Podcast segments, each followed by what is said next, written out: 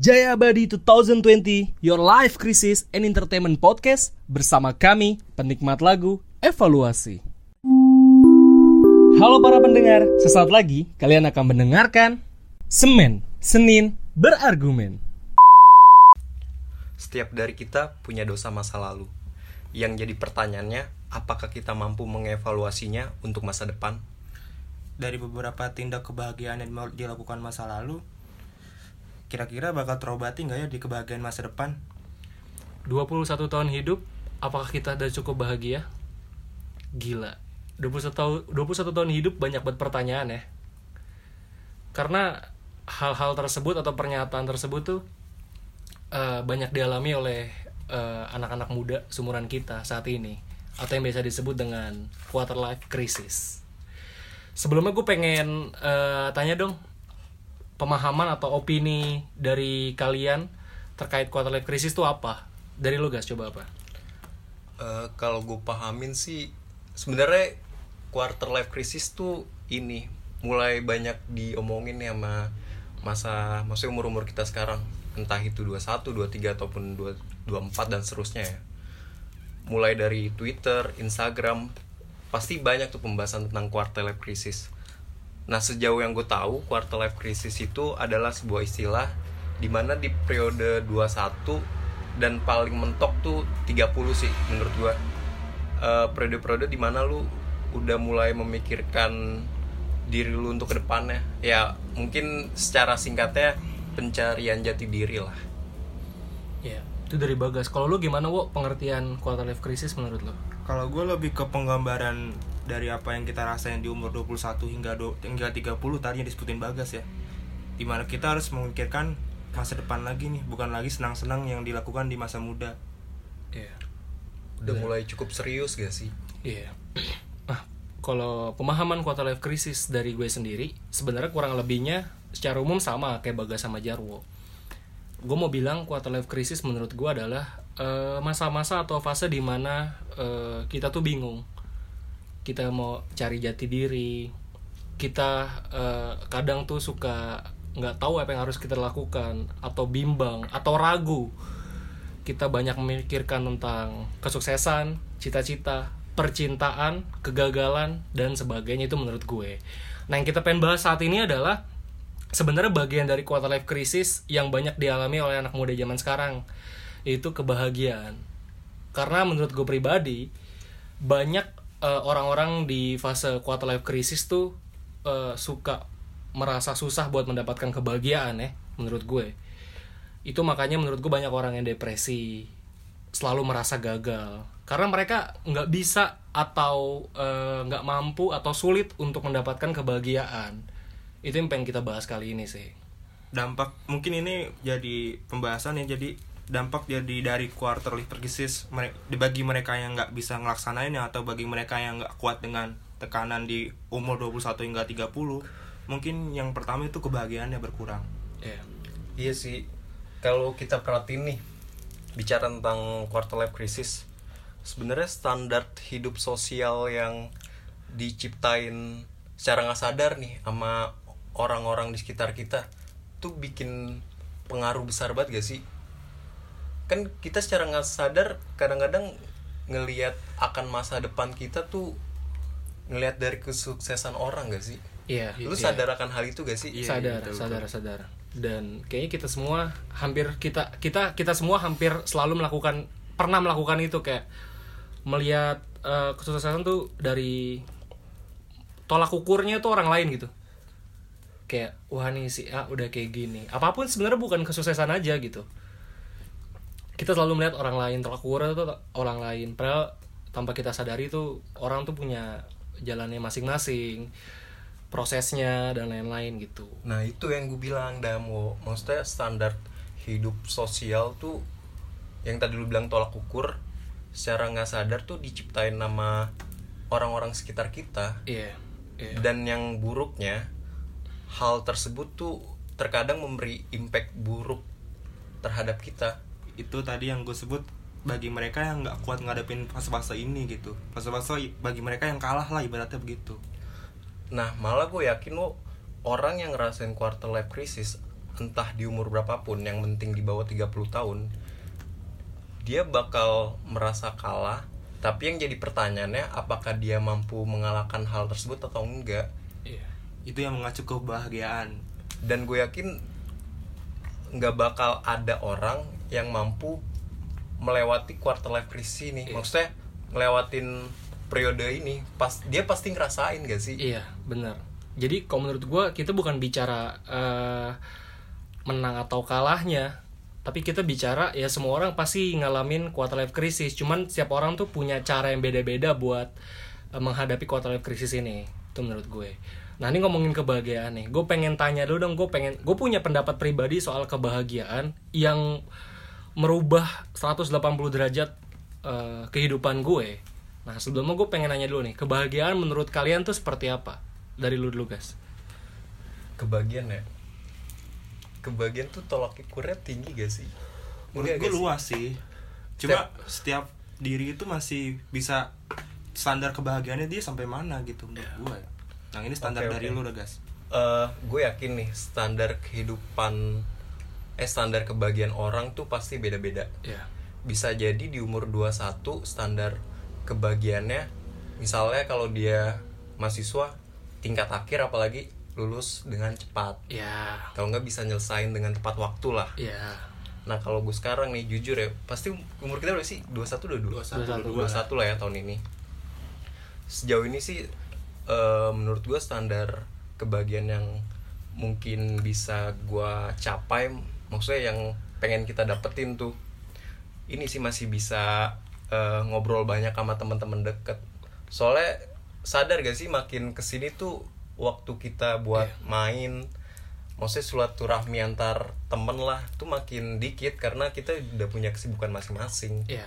sesimpel itu sih sejauh ini. Tapi gue yakin eh, makin bertambahnya umur tuh pasti standar kebahagiaan yang pengen didapetin sama orang tuh pasti berubah. Ya. Itu lo guys. Udah cukup. itu gue sih. Kalau untuk sekarang sih standar kebahagiaan gue gimana menurut gue ya ini menurut gue lagi kan eh, menurut gue di setiap harinya tuh gue harus ngelakuin kesibukan. Itu gue udah bahagia menurut gue nggak lagi yang hanya di rumah gitu. Nggak lagi yang kongko kongko main. Ya walaupun sih dalam framing itu sih gue masih bisa main masih bisa ngelakuin kesibukan gue sih. Tapi menurut gue itu udah bahagia. Nggak harus dengan pasangan Hmm. gue Nah, makanya tuh gue akhir-akhir ini suka mikir, wo, dan eh, salah satu cara untuk sedikit menghambat pikiran kita akan quarter life crisis tuh main sama temen. Itu apa ya? sebenarnya bukan menghambat sih lebih nyari ke apa ya eh, Alternatif pemikiran alternatif eh, atau solusi. iya solusi sih pemikiran orang lain Iya, terhadap solusi itu sih sementara. iya. Hmm. Tapi lu balik lagi ke rumah cuman di kamar doang Balik lagi merenung lagi. Iya, pasti. anjir, Iya, pasti. Gimana ya? Gitu. evolusi diri.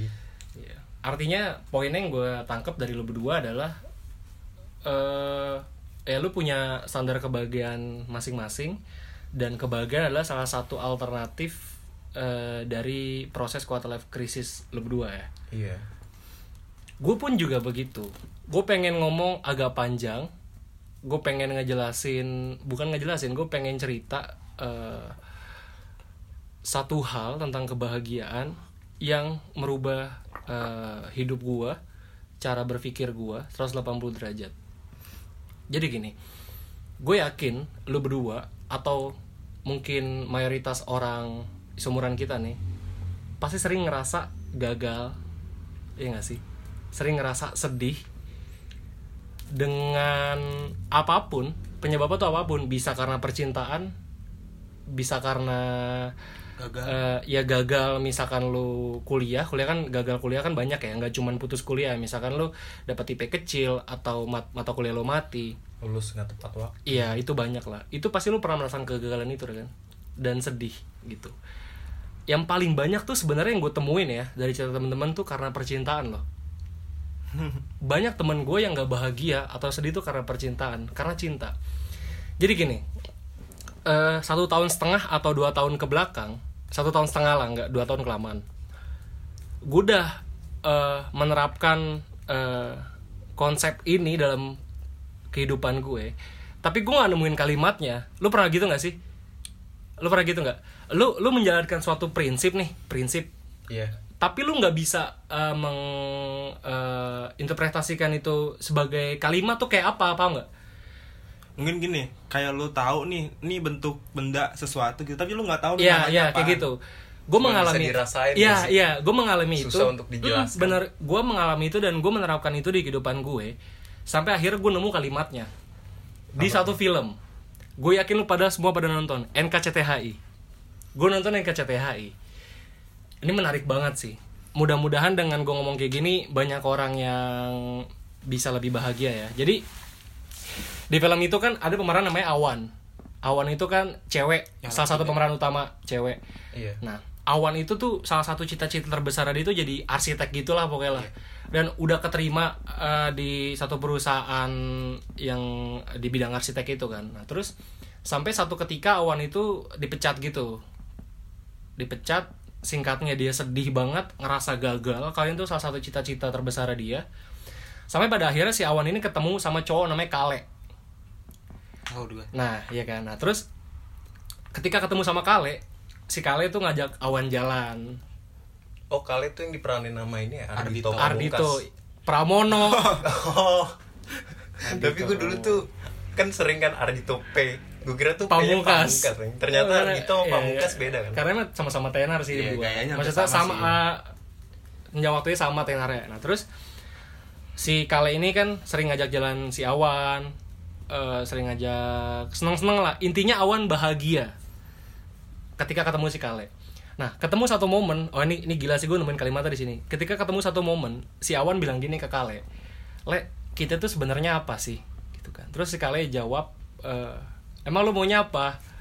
Nah, terus kurang lebihnya ya, gue juga rada lupa, cuman kurang lebihnya ya, si Kale ngomong kayak gini, kalau eh, lu butuh teman cerita, butuh teman curhat, gue bisa. Cuman kalau lu eh, mau lebih atau mencari kebahagiaan di gue, gue nggak siap. Kalian ngomong kayak gini, kebahagiaan itu tanggung jawab masing-masing. Gue pernah menggantungkan kebahagiaan gue terhadap orang lain, dan ketika orang lain itu mengecewakan gue, gue sedih. Di situ gue langsung kayak anjing, ini kalimat tuh gue baru nemu, dan itu gue udah, gue udah, gue udah eh, eh, apa sih? Gue udah menanamkan itu tuh udah lama sebenarnya, cuman gue baru nemu kalimatnya. Relate banget ya kalimatnya. Iya, karena tuh sebenarnya sesimpel ini loh. Lu nggak, lu tuh jangan pernah menggantungkan kebahagiaan lu sama orang lain. Karena ketika lu dikecewakan sama orang itu, lu bakal sedih. Kalau lu menggantungkan kebahagiaan terhadap dia. Ada cerita menarik lagi dari Abdel tuh Abdel Ahrian kan, Abdel sama. Komedian. Iya, Abdel Temon dah ya, Oh, Abdel iya. Temon. Dia tuh pernah narkoba kan, dan direhab sampai tiga kali lah. Eh, lu bisa lihat di YouTube ceritanya. Kurang lebih ceritanya kayak gini. Ketika dia direhab itu eh, udah udah berapa tahun gitu lah, setahun apa dua tahun gitu. Ada seminggu sekali itu mereka dikasih eh, momen spesial. Boleh makan Indomie, pemandangannya itu jalanan. Jadi ada mobil motor lalu lalang gitu lewat. Nah, karena mereka sehari-hari itu sebenarnya tempat rehab tuh outdoor, nggak cuma indoor, tapi outdoor tuh dikelilingin gedung gitu loh. Iya. Nah, satu momen tuh seminggu sekali dia boleh makan Indomie, pemandangannya tuh di dunia luar, ada mobil sama motor lewat. Abdel bilang gini, gue nggak pernah sebahagia itu di dalam hidup gue pada saat itu. Kata Abdel, dari situ gue sadar, ternyata ketika gue pengen bahagia, gue cuman perlu menurunkan standar kebahagiaan gue. Mungkin selama ini ketika gue nggak bahagia, itu karena standar kebahagiaan gue tuh terlalu tinggi. Jadi ketika menurut gue adalah, eh, kalau kita mau bahagia itu kita cuma perlu menurunkan standar kebahagiaan kita. Gue pribadi, lu juga pasti tau lah, lu main sama gue dari hampir 10 tahun kita main dan selalu sama-sama gitu. Lu juga tak tahu lah, mungkin 2 2 3 tahun ke belakang, 2 2 tahun ke belakang lah. Pola tidur gue tuh berantakan. Dari gue zaman gue kerja di restoran, ya kan gue yang kayak sempet eh, kerja closingan sampai jam 2 pagi, sampai nongkrong dulu, paginya kuliah, masuk closing lagi kayak gitu-gitulah. Dua bulan belakangan ini, gue memperbaiki pola tidur gue. Gue tidur jam 9, jam 10 gue udah tidur jam setengah empat gue udah bangun paginya gue olahraga gue nggak bohong bahagia banget gue ngerasa gue eh, kilas balik ke masa kecil gue dan itu senang banget sesimpel itu gue cuma menurunkan standar kebahagiaan gue gue bisa tidur cepet dan bangun pagi gue olahraga baik ke masa kecil gue bahagia cuy itu doang tuh cuman karena memperbaiki pola tidur atau hidup lebih sehat jadi lebih bahagia gak sih maksudnya dosa Iya. kan itu berawal dari dosa masa lalu lu gak sih Iya, iya dosa benar. masa lalu maksudnya Iya. dosa masa lalunya tuh eh, mungkin pas lu SMA eh, lu tidur malam bahkan Iya, pagi begadang Bahkan pagi, benar. dan ketika lu merubah hal tersebut yang gue bilang sebagai dosa masa lalu dan lu perbaiki dengan memperbaiki pola tidur lu tuh bisa bikin bahagia ya Banget. Sekecil Asli itu. Sesimpel itu. gue ada juga sih maksudnya hal simple yang ternyata nih eh, cukup bikin gue bahagia Hmm. dan nih gue lu nyadar gak sih gue SMA tuh lebih suka main sama cowok maksudnya lebih suka bersosialisasi dengan cowok daripada menyibukkan diri dengan Perempuan. nyari Pasangan. nyari pasangan Iya. nyari cewek lah Iya. ya gue dulu itu bahagia banget lebih maksudnya lebih punya banyak waktu buat main sama temen Iya. ya gitu sih sekecil Iya, itu iya, sesimpel sesimpel itu sebenarnya, bikin Kak. bahagia. makanya Iya. tadi gue bilang kan di awal kebahagiaan itu setiap orang punya standarnya dan makin bertambahnya umur kebahagiaannya tuh beda-beda. Iya, iya, iya. Coba lu Abu. kalau gue kalau kebahagiaan dulu gue pernah ngalamin ngera- nge- ngerasain namanya gue terlalu apa ya terlalu memframing kebahagiaan orang lain tuh harus ada di gue gitu. Iya. kenapa ya gue nggak bisa kebahagia kayak dia ya?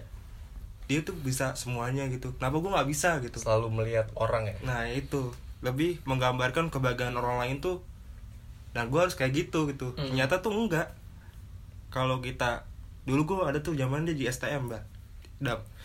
di SMP masuk ke gue pengen kayak masuk ke SMA ya. Digambar sama bokap gue harus masuk STM karena apa? Dia melihat masa masuk maksudnya eh, outputnya gitu dia nggak berharap lebih untuk gue kuliah gitu. Nggak sampai sini berarti gitu. Makanya gue masukin ke STM dan itu gue fase itu tuh gue nggak awal-awal gue STM tuh gue nggak bahagia sama sekali karena gue nggak menikmati itu karena itu bukan pilihan gue Iya. sedangkan gue mau framing lo di SMA Iya. lu kayak bahagia banget di sana jadi jadi siswa kelas 1 terus Nongkrong, kayak nongkrong rame hihi. makanya ada di circle yang bener kalau gue tuh nggak ada Iya. waktu itu gue Makanya bingung gue bilang apa eh, kalau bisa jangan sampai tuh kita punya tolak ukur kebahagiaan dilatih dari orang, Orang lain. lain. Iya, itu Padahal poinnya kita punya tolak ukur sendiri seharusnya. Iya. nah jadi hal lucunya itu sekarang gue masih sering ngebahas ini sama bokap gue coba Wahyu dulu masuk ya enggak maksudnya bapak nurut apa keputusan Wahyu hari Enggak itu jarwo kan? manggil lah bapak lu. Wahyu aja, Oh, gue di rumah Wahyu. Masih tuh dam, gue bantuin bokap gue sering ngomong gitu. Katanya ya udah sama-sama udah kejadian ya kan. Iya. Artinya gue harus nyari kebahagiaan yang udah harus gue jalanin hari ini ya Iya, kan. benar-benar. Ya udah. Lu kenapa pas dulu kecil tuh nggak memperkenalkan diri lu sebagai Jaro ke bokap lu? Jaro itu gue dapat dari SMP kelas 2 Jadi kalau Soalnya lu tuh kalau apa-apa selalu memperkenalkan diri lu Jaro anjir. sampai ibu gue juga bingung kenapa gue dipanggil Jaro. Jangan-jangan lu sebahagia itu memperkenalkan diri sebagai Nah, Jarwo. Nih fase-fase gue keluar dari nggak bahagianya itu ketika gue main sama lu nih. Iya. Kan gue STM kelas 2 kan tuh ya. Tahu bentar deh. Podcast kita serius banget anjir. Gak apa-apa sih, gak apa-apa ya. Gue mau bagi cerita aja kita ketawa dulu kan. Enggak. Enggak Serius Ini kan, ini kan yang gak lu tahu kan Ini berdua. podcast pertama kita anjir seserius itu. Enggak, ini kan yang gak lu tahu kan berdua. Iya. Gue mikir tuh pada saat itu gue bahagia gue sedikit gitu. Iya gak sih? lu Eh. jangan ketawa dong. Ketahuilah para pendengar, kita kok lagi pada main tuh nggak pernah ngebahas kayak gini-ginian. Kita semua, aduh, kacau pembahasannya. Tapi ini keren sih pembahasan quarter life crisis. Jadi Iya. gue mau lebih memilih kayaknya seru sih banyak temen yang di luar dari STM ya, makanya gue main sama lu. Main-main bareng sama lu tuh di STM kelas 2 kan. Iya. Nah itu Oh lu jadi main sama kita karena pengen punya temen di luar STM. Enggak juga Karena kan lu temen SMP gue juga Gimana sih? Adam diem doang, anjir. eh, dari gak gue gue rada bingung gitu loh rada kikuk tanggepinnya gimana kan gue bukan orang yang lucu ya kan Iya. gue Ada. masa ada podcast gitu Gue sih sebenarnya bingung sih nanggepin lu berdua Kan gue orang yang gak lucu Maksudnya kenapa aduh udah anjing banget dah. Quarter life komedi ya Tapi setelah berjalan waktu nih gue kelas 1 nggak bener-bener bahagia dan gue harus terima dong. Ya udahlah, mau gimana lagi? Sampai jalan ke semester 2 kelas 1 ya gue mikir Iya. gue mau pindah sekolah gue mau pindah sekolah saran bokap gue terakhir apaan? Yaudah tahun depan. Kalau untuk hari ini bapak nggak punya duitnya masuk ke SMA udah nanya nanya tuh udah udah ke sekolah sekolah nanya udah. Hmm. udah nanya nyari info 25 juta hari itu anjing. Gue harus pindah. Dan gue bokap gue lepas tangan dan hari itu tuh lepas tangan ini tapi ah, ya udah. tangan center nggak lepas tangan kagak jatuh kan tapi maksud gue ya udah lu kalau mau pindah sekolah ya udah tahun depan bapak gak punya duit Oke segitu oke. Gak emang bokap lu selalu pegangan tangan dulu ah? Enggak bentar dong, bentar dong. Sampai kan lepas pakai kata tangan. lain Gue gue mau nanya, Wo. iya Lu kan sekolah di SMK 29. Iya. Terkenalnya kan kapal kan. Iya. STM kapal. Nah. Lu pengen pindah ke SMA mana emang? Dulu gue udah sempet nanya ke Texas 46 Wih, jujur aja gue Tentara soalnya gue. Tapi culture-nya sama gak sih? Soalnya- kapal sama Texas. soalnya Jadi gua- kayak percuma gitu dia pengen pindah ke Texas. soal gue punya temen di Chelsea nih SMA Chelsea kan dia pindah ke Texas bisa Iya. framing gue mungkin bisa kali dia ya atau gambaran gue mungkin gue bisa juga kali kayak dia ternyata bayar ada duitnya anjing 25 juta Iya. gue kalau jadi bokap lu ya misalkan gue punya anak kayak lu terus anak gue bilang eh, manggil lu manggil bokap lu apa sih wahyu wahyu lu manggil bokap lu? Oh. Wahyu pak pak. Giri oh Bapak. anjing bapak gue misalkan punya anak ya. Pak eh, Wahyu mau pindah sekolah dong. Ke mana? Ke SMA berapa duit? 25 juta. Gue jawaban gue mending lu macul aja dah kampung gitu. Anjing 25 juta. Mending lu macul ke kampung kok. Dan itu ya berjalan di semester di kelas 1 dah. Dan hebatnya gue masih bisa bertahan dam. Hebat, hebat, hebat. gue menurut gue Oh. gue hebat. Mantap, 10 mantap. besar di kelas. Iya. walaupun gue gak niat belajar ya. 10 Hmm. besar di kelas kelas 2 gue udah merasa nyaman. Karena apa? Ngerasain PKL tuh. Kayak seru juga kerja di bagian engineer pesawat, Pesawat. Oke, jadi dan gue dikasih ya kesimpulannya gue bisa ngelewatin fase-fase itu.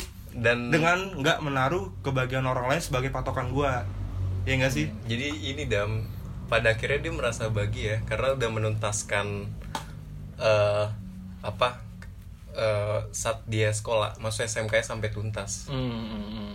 Padahal sebelumnya tuh dia ngeliat kebagian orang lain sekolah di SMA iya benar benar. itu gue iri banget aja Iya, pakai tapi- putih abu-abu pakai celana street oh lu nggak nggak Kece. ngerasain putih abu-abu sekolah lu ya? iya. Tapi lu merasa lu bayangin gak sih lu kalau jalan sama cewek nih lu pakai biru dongker ke mall kayak kayak apaan? Kayak sapam anjing. Kayak taruna lah. Kayak sapam.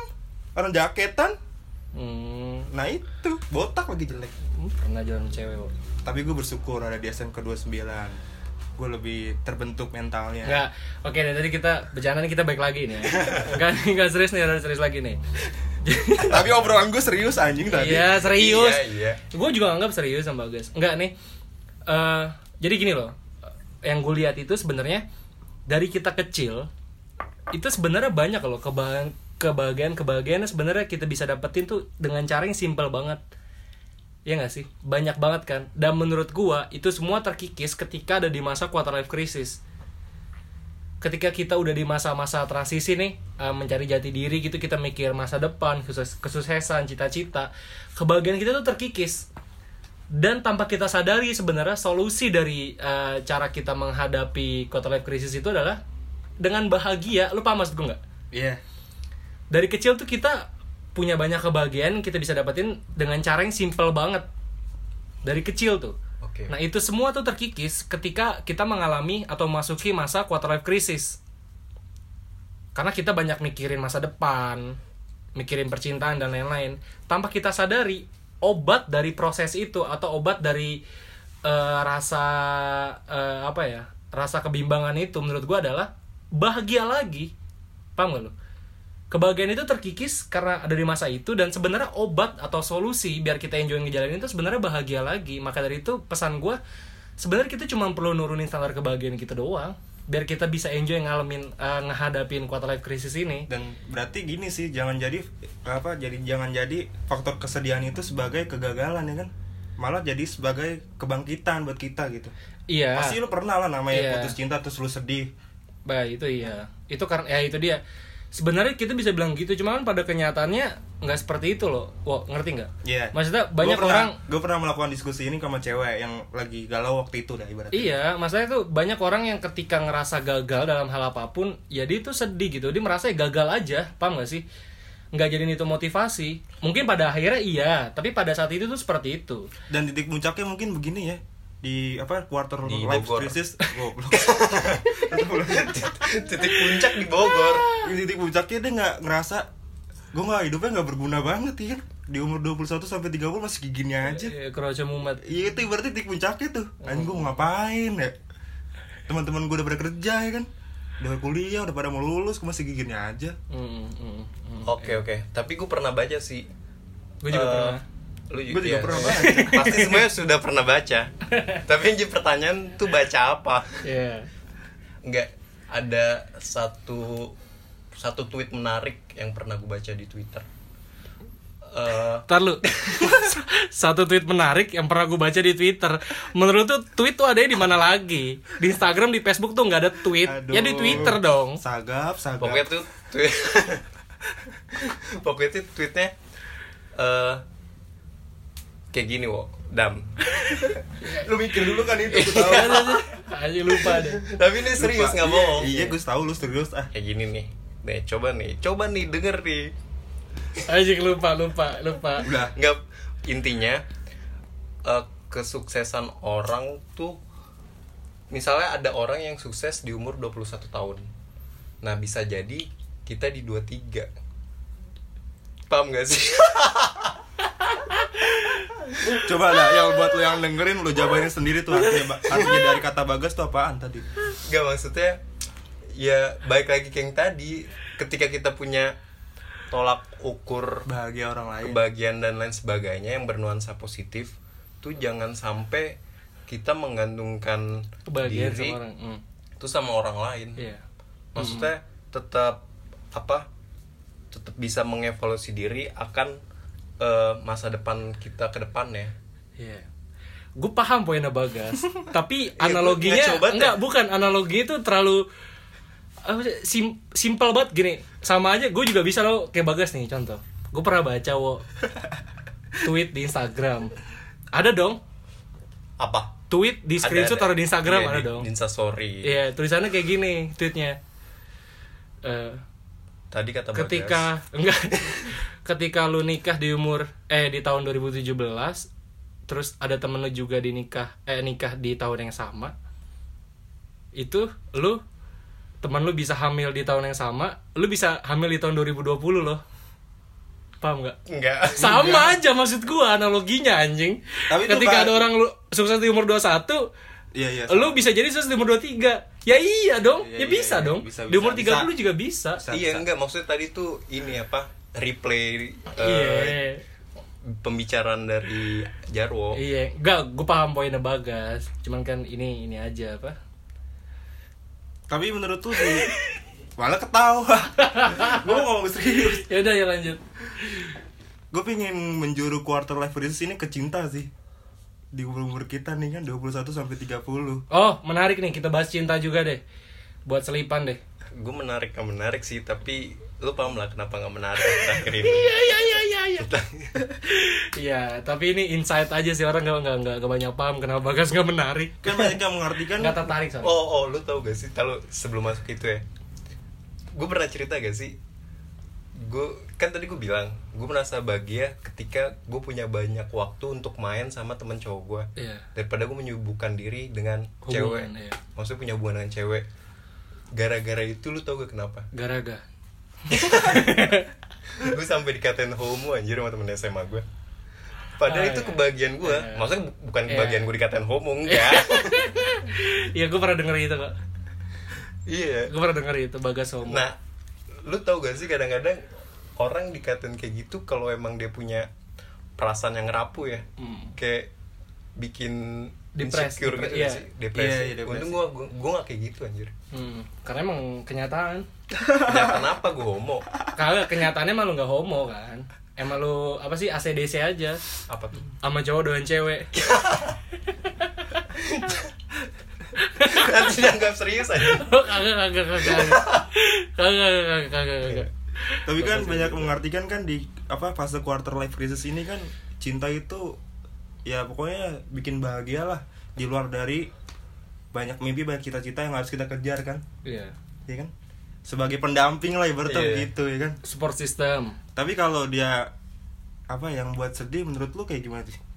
Gue ya kan gue bilang eh, kebahagiaan yang gue bilang tadi adalah banyak eh, eh, pemahaman kebahagiaan yang tadi gue udah bilang itu banyak meng- eh, mengubah eh, cara gue berpikir sekarang.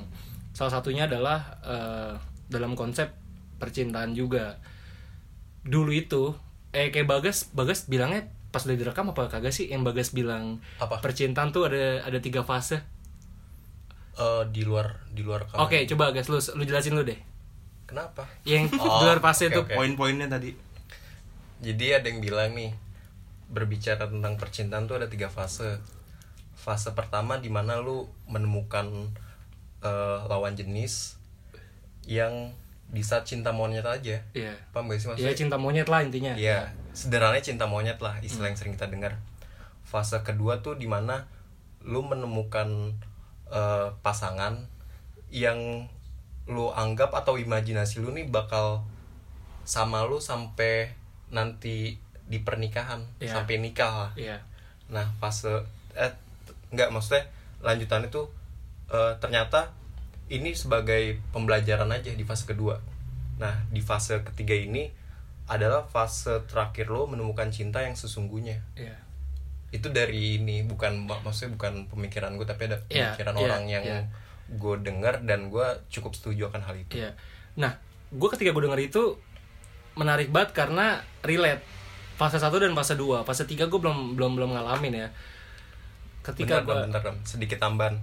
Tapi bukan berarti tiga fase ini dengan satu lawan jenis bisa jadi lu di fase bukan pertama satu individu. Iya. Iya. Satu lawan jenis dong. Iya, terus Iya bener lawan jenis. Iya bener lawan jenis cuma satu. Iya, bener gak sih? Enggak, bener. maksudnya bukan cuma satu orang. Iya, jadi tiga fase ini bukan berarti di fase pertama Satu orang. satu orang bisa jadi lebih. Iya, kayak gitulah. Orang Ya, paham. jadi kok. tergantung pemahaman kita aja. Iya. Gue pernah eh, fase-fase cinta monyet pernah. Terus fase-fase di mana gue pacaran dan gue anggap anjing gue bakal sampai nikah nih pernah. Nah sekarang Sumpah lu lu sampai itu fase 2 dong. iya fase 2 gue udah ngalamin fase 2 Itu terlalu dini ya. dan gue udah Dini melewati makanya kan gue bilang gue udah kayak gue udah melewati itu karena apa gue pengen jelasin dulu eh, Oh stop. Karena lu pada saat itu ngelakuin hal-hal dewasa. enggak lah Makanya lu membuktikan untuk itu. blok kagak anjing kagak bangsat Kebuka secara nggak langsung. Aduh. kagak anjing Oh, parah banget. kagak anjing kagak anjing Ketahuan kan? kagak enggak Wo, jangan jangan gitu kok jangan gitu ntar orang ngiranya beneran padahal kan enggak lah Iya, jangan anjing. Ini padahal nggak diedit kagak anjing kagak enggak enggak enggak, enggak. gue balik lagi ke topik gue gue ngerasa gue udah ngalamin fase 2 dan itu menurut gue udah selesai karena gini sekarang ini ya kalau lu nanya eh, percintaan dari perspektif gue jujur aja eh gue senyantai itu. Karena menurut gue banyak hal yang harus gue capai banyak hal yang banyak hal yang harus gue kejar banyak hal yang harus yang lebih penting gue pikirin. Artinya banyak prioritas dibanding cuman sekedar hubungan. Paham gak lu? Untuk saat ini ya. Banyak banget hal yang harus gue kejar kar- karena itu jadi eh gue kalaupun pacaran gitu ya sekarang pacaran gue nggak mau yang drama. Paham gak sih lu? Yang drama. Gue nggak mau kalaupun gue pacaran ya sekarang nih gue nggak mau yang memperibut mempermasalahkan atau ngeributin hal-hal yang sepele. Paham nggak? Yang sekiranya tuh masih bisa diomongin gitu. Gue nggak mau yang gaya-gaya pacaran yang ngekang larang ini ngelarang itu. Maksud gue tuh ya udah kalau lo emang udah komit buat hubungan saat ini ya udah aja gitu loh paham gak sih lo tahu rulesnya lah pacaran kayak gimana gitu karena gue udah males tuh mikirin mikirin mikirin atau ngadepin drama-drama pacaran yang seribet itu gitu loh karena banyak hal yang harus gue kejar nih kalau lo mau ribet kayak gitu ya mending kita nggak usah pacaran gue sih sesimpel itu sekarang Tapi bakal jadi nilai plus kalau kita bisa ngelewa- ngelewatin quarter life crisis itu berdampingan dengan punya cinta gitu, punya pasangan sebagai Iya. support system ya kan? Iya, iya itu juga dampak positifnya. Iya. Tapi ketika sih, bonus ketika kehidupan. iya, tapi ketika lu apa lagi ada permasalahan dengan pasangan atau ya itu nggak nggak membuat lu lebih rendah terus lu harus galau berhari-hari Iya, terus lu iya, harus iya. Mm. apa ada di drama itu Iya, terus-terusan iya, gitu iya. gitu. Makanya kan gue bilang kayak tadi gini loh. Support system penting di masa-masa quarter life crisis sa- saat ini. Tapi kan dari tadi kita udah sepakat quarter life crisis masa-masa paling krusial nih. Banyak hal yang menurut lu tuh lebih penting yang lu kejar gitu Bang gak sih? Kesuksesan, kan cita-cita. Terlu makanya itu gue bilang kalau gue punya pacar dan pacar gue ribet sedrama itu gue mending gak usah deh pacaran. Karena apa? Gue punya prioritas nih gue lagi di masa quarter life crisis gitu loh paham gak sih? Kalau lu bisa oke bisa kompromi sama gue gitu oke lo artinya jadi support system gue. Cuman pertanyaannya ketika lo nganggap pacaran adalah sebuah solusi itu menyelesaikan masalah atau menambah masalah baru gitu aja sih. Sesimpel itu menurut itu mah tergantung dari diri kita ya. Kita butuh apa enggak? Kalau misalkan kalau misalkan cuma jadi bahan pusing kayak tadi misalkan lu punya tujuan satu tapi mereka tapi cinta ini bikin lu pusing juga. Menghambat tujuan lo ibaratnya begitulah. Ya mending gua gak usah. Ya iya kan sama aja poinnya iya gitu sama. ngomong. kan dulu tanya kan gitu. Iya, ya kayak gitu sih kalau nanya cinta menurut gua. tapi bakal jadi nilai plus banget atau bakal jadi ini eh, apa ya eh, nilai eh, eh, kelebihan dimiliki lu lah ibaratnya yang melewati quarter life crisis dengan cinta ya bagus menurut gua Iya, bagus juga, benar. iya benar ya bener ya bener aja Bagas, Bagas langsung buka baju lo ngomongin cinta. nggak ngerti gua lah kenapa. Terus apa lagi nih kira-kira yang bisa kita bahas nih? Sebenarnya kita pengen bahas kebahagiaan dong loh, kenapa jadi percintaan sih? Karena ada tolak ukurnya ada ada framingnya kan Enggak, tapi jujur aja gua tuh jujur ya, gua tuh kayak gimana ya? Gua ngelihat teman-teman gue yang depres gitu ya. Kayak kayak bola ger sepak bola kan ada di istilah press Enggak maksud gue, gue ngeliat teman-teman gue yang eh sampai depresi gitu ya, karena dia nggak sulit buat bahagia mencari kebahagiaannya gitu, gue kayak, aduh gila lu sayang banget, paham gak sih? Terus kayak lu masih muda juga gitu, paham sih? Lu masih muda juga gitu, maksudnya, ya lu kuliah aja belum selesai gitu, kenapa lu harus segitunya sih? Ya ya gue gue nggak gue nggak nggak menghakimi sih. Ya gue nggak menghakimi juga. Maksud gue orang punya proses itu beda-beda. Mungkin kalau gue jadi dia juga gue bisa lebih gila. Kan nggak tahu juga ya. Tapi setidaknya dengan pemahaman atau pemikiran gue terkait kebahagiaan yang tadi udah gue jelasin maksud gue tuh setidaknya gue pribadi berpendapat kayak semua orang tuh bisa gitu loh buat eh, dapat kebahagiaannya. Dengan sesimpel lu menurunkan standar kebahagiaan lu aja dan lu kayak menurut gue lu sekarang udah saatnya ini deh. Nggak perlu memikirkan atau mempusingkan hal-hal yang sekiranya lu nggak perlu pusingkan gitu paham nggak sih? oke oke. Nah gue ada dua pertanyaan nih. Eh satu pertanyaan sih tapi buat lu berdua. Hal apa di masa sekarang maksudnya yang saat ini nih di saat-saat lu lagi quarter krisis eh, quarter krisis life-nya. Quarter life crisis. Quarter grogi. life Life, crisis. iya. maksudnya iya hal apa yang lu lagi alamin? Dan ini quarter life crisis lu.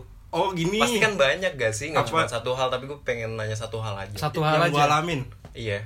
Oh ya udah lu dulu. Yang sekarang lagi gue alamin ya. Iya. Yang artinya yang lebih yang paling dominan iya yang paling, yang paling dominan. dominan yang paling menonjol sih gue lagi eh, mikirin terkait masa depan kaitannya sama kesuksesan. Gue sekarang lagi ada fase-fase di mana kira-kira gue lulus kerja gue mampu nggak ya beli rumah?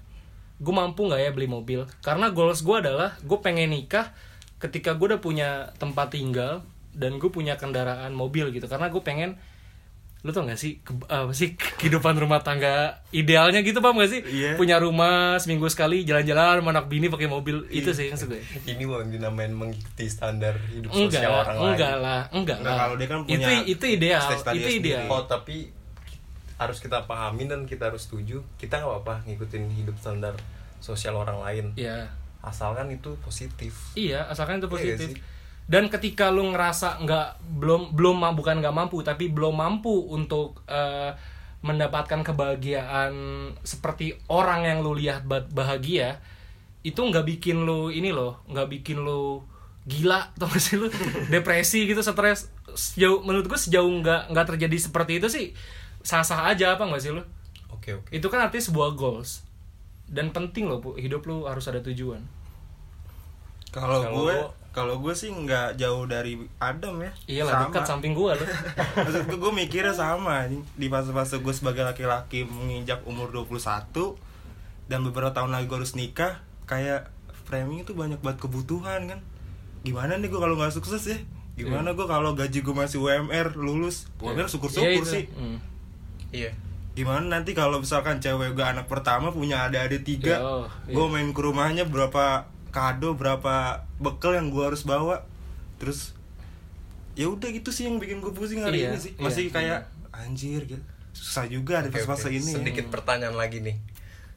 Kan tadi lu berdua- dong lu nanya mulu Gak ada sengaja makanya gue nanya-nanya aja. Eh, kan da- da- dari, tadi tuh lu ngeluarin diksi terkait nikah. Pasti tadi yang ada bilang hidup harus punya tujuan. iya lah Kira-kira ya, kira-kira aja. Lu pengen nikah di umur berapa? ini melebar banget sih. Gak apa-apa, gak apa-apa, gak apa-apa, gak apa-apa.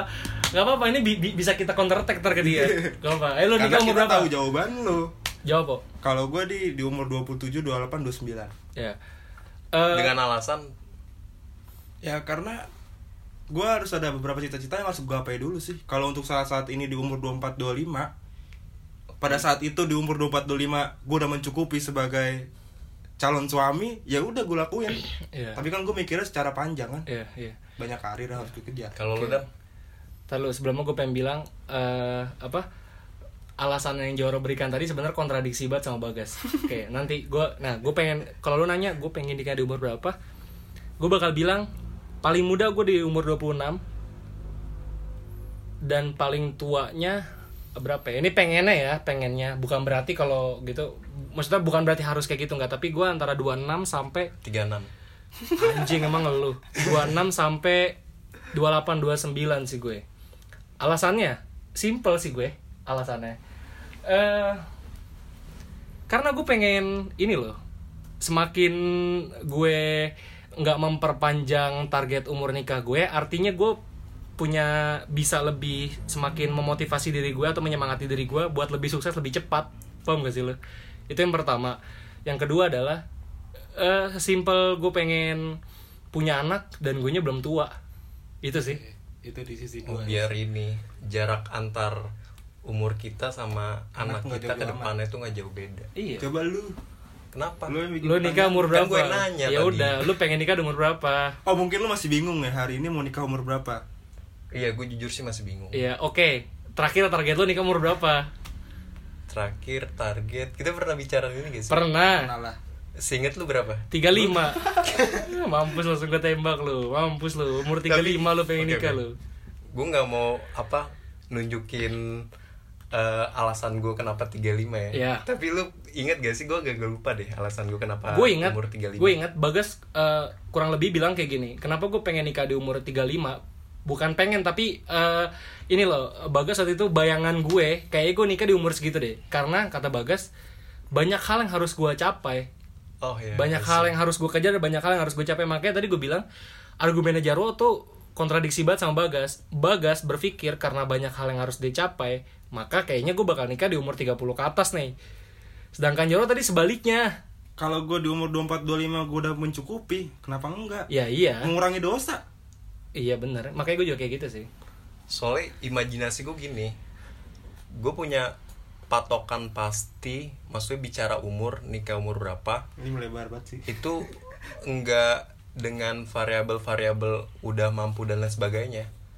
Kalaupun misalnya insya Allah gue di umur 25 ke atas pun udah mampu baik secara finansial dan juga iman untuk nikah, ya gue nggak bakal nikah juga. Iya Karena iba- imajinasi gue tuh ya udah 35.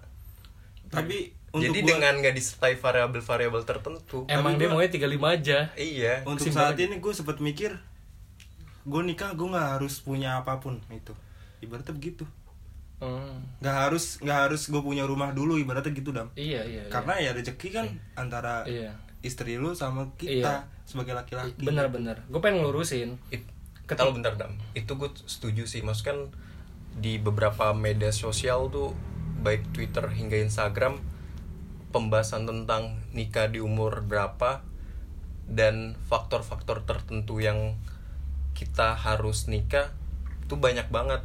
Ada yang bilang harus mampu dulu dan ada yang bilang nggak mampu pun maksudnya secara finansial dan iman ya itu juga nggak apa-apa dan banyak banget sih hal-hal kayak gitu jadi viral menurut gue kayak suatu hal yang nggak perlu gak sih? Maksudnya nggak apa-apa hal itu dibicarain di media sosial tapi nggak sampai menyinggung ke hal-hal yang sensitif. Sebenarnya iya juga tapi nggak apa-apa juga. Gue pengen klarifikasi. Gue juga gue tadi bilang gue pengennya tuh goals gue gue nikah ketika gue udah punya Podcast rumah. Ketika gue udah punya mobil gitu ya maksud maksudnya gini loh. Bukan berarti ketika gue belum punya rumah dan punya belum punya mobil gue nggak nikah nikah gitu. Nggak juga nggak juga. Ya terus kan gue nggak tahu kalau rezeki gue udah punya punya rumah dan punya mobil di gue umur 40 tahun 50 tahun masa gue nggak nikah? Nggak juga maksud gue. Tapi yang kayak tadi gue bilang hidup lo harus punya tujuan lo harus punya goals punya Yeah. cita-cita. Dan nggak salah ketika lo punya goals di umur 26 gue udah harus punya rumah gue udah harus punya mobil. Itu nggak salah. Tapi pesan gue adalah ketika lu udah udah di umur segitu dan target lu belum tercapai semua bukan berarti lu harus ngerasa gagal dan ya lu ngerasa ya udah gue nggak bisa lanjut nih. Gitu loh paham gak sih maksud gue? Yang enggak enggak gitu juga. Jadi yang denger paham kok. Berarti ini relate banget sama kebahagiaan gak sih? Iya kan? Coba dah lu bayangin mereka-mereka yang Iya. 21 plus tapi masih punya pasangan tapi hidupnya sedih mulu Eh, kayak bayang- teman kita kan. gue bayangin lu gimana gimana Kan ada tuh di, bentar, bentar. di circle kita kan Gimana, ada tuh. Ya, jangan ditegesin. enggak lah. maksudnya tadi gimana kalimatnya Ya udah gitu dah ibaratnya. sumpah gue nggak nggak nggak nggak. coba ulang tapi lagi. enggak, tapi lu bayangin gak mereka yang punya hubungan sama seseorang tapi dia Iya. tuh beberapa bulan atau beberapa tahun dia berjalan tuh kayaknya nggak ngerasa bahagia gitu. Padahal itu dalam satu hubungan. Padahal Iya, apa iya. yang mereka rasakan hari ini, apa yang mere- rasakan mereka mereka rasakan hari ini tuh bakal kejadian di pas nikah anjir. Iya. oh I see ya Jadi kesedihan yang pas di pacaran itu tuh bakal kejadian di pas nikah. iya ya kalau ya makanya gue bilang pandangan gue tadi gue kesian sama orang-orang kayak gitu karena menurut gue Iya. di umur umur yang sekarang kayaknya banyak deh banyak hal yang harus yang lebih penting lo prioritaskan gitu daripada sekedar drama-drama percintaan? Menurut gue sih kayak gitu. Kayaknya kayak itu aja di episode pertama kita. Iya. Apalagi lo dari tadi gue ngeresponnya iya iya. Ya yaudah nih ya pesan terakhir deh. Ste pesan kesan kesan pesan. Nggak. Solusi nggak nggak solusi kita nggak sampai Gak apa ya mas gua pesan orang. pesan atau kesan eh, terakhir lu yang yang sekiranya menurut lu perlu disampaikan ke audiens tuh apa mulai dari lu apa apa pun itu Mending kata yang paling familiar ya.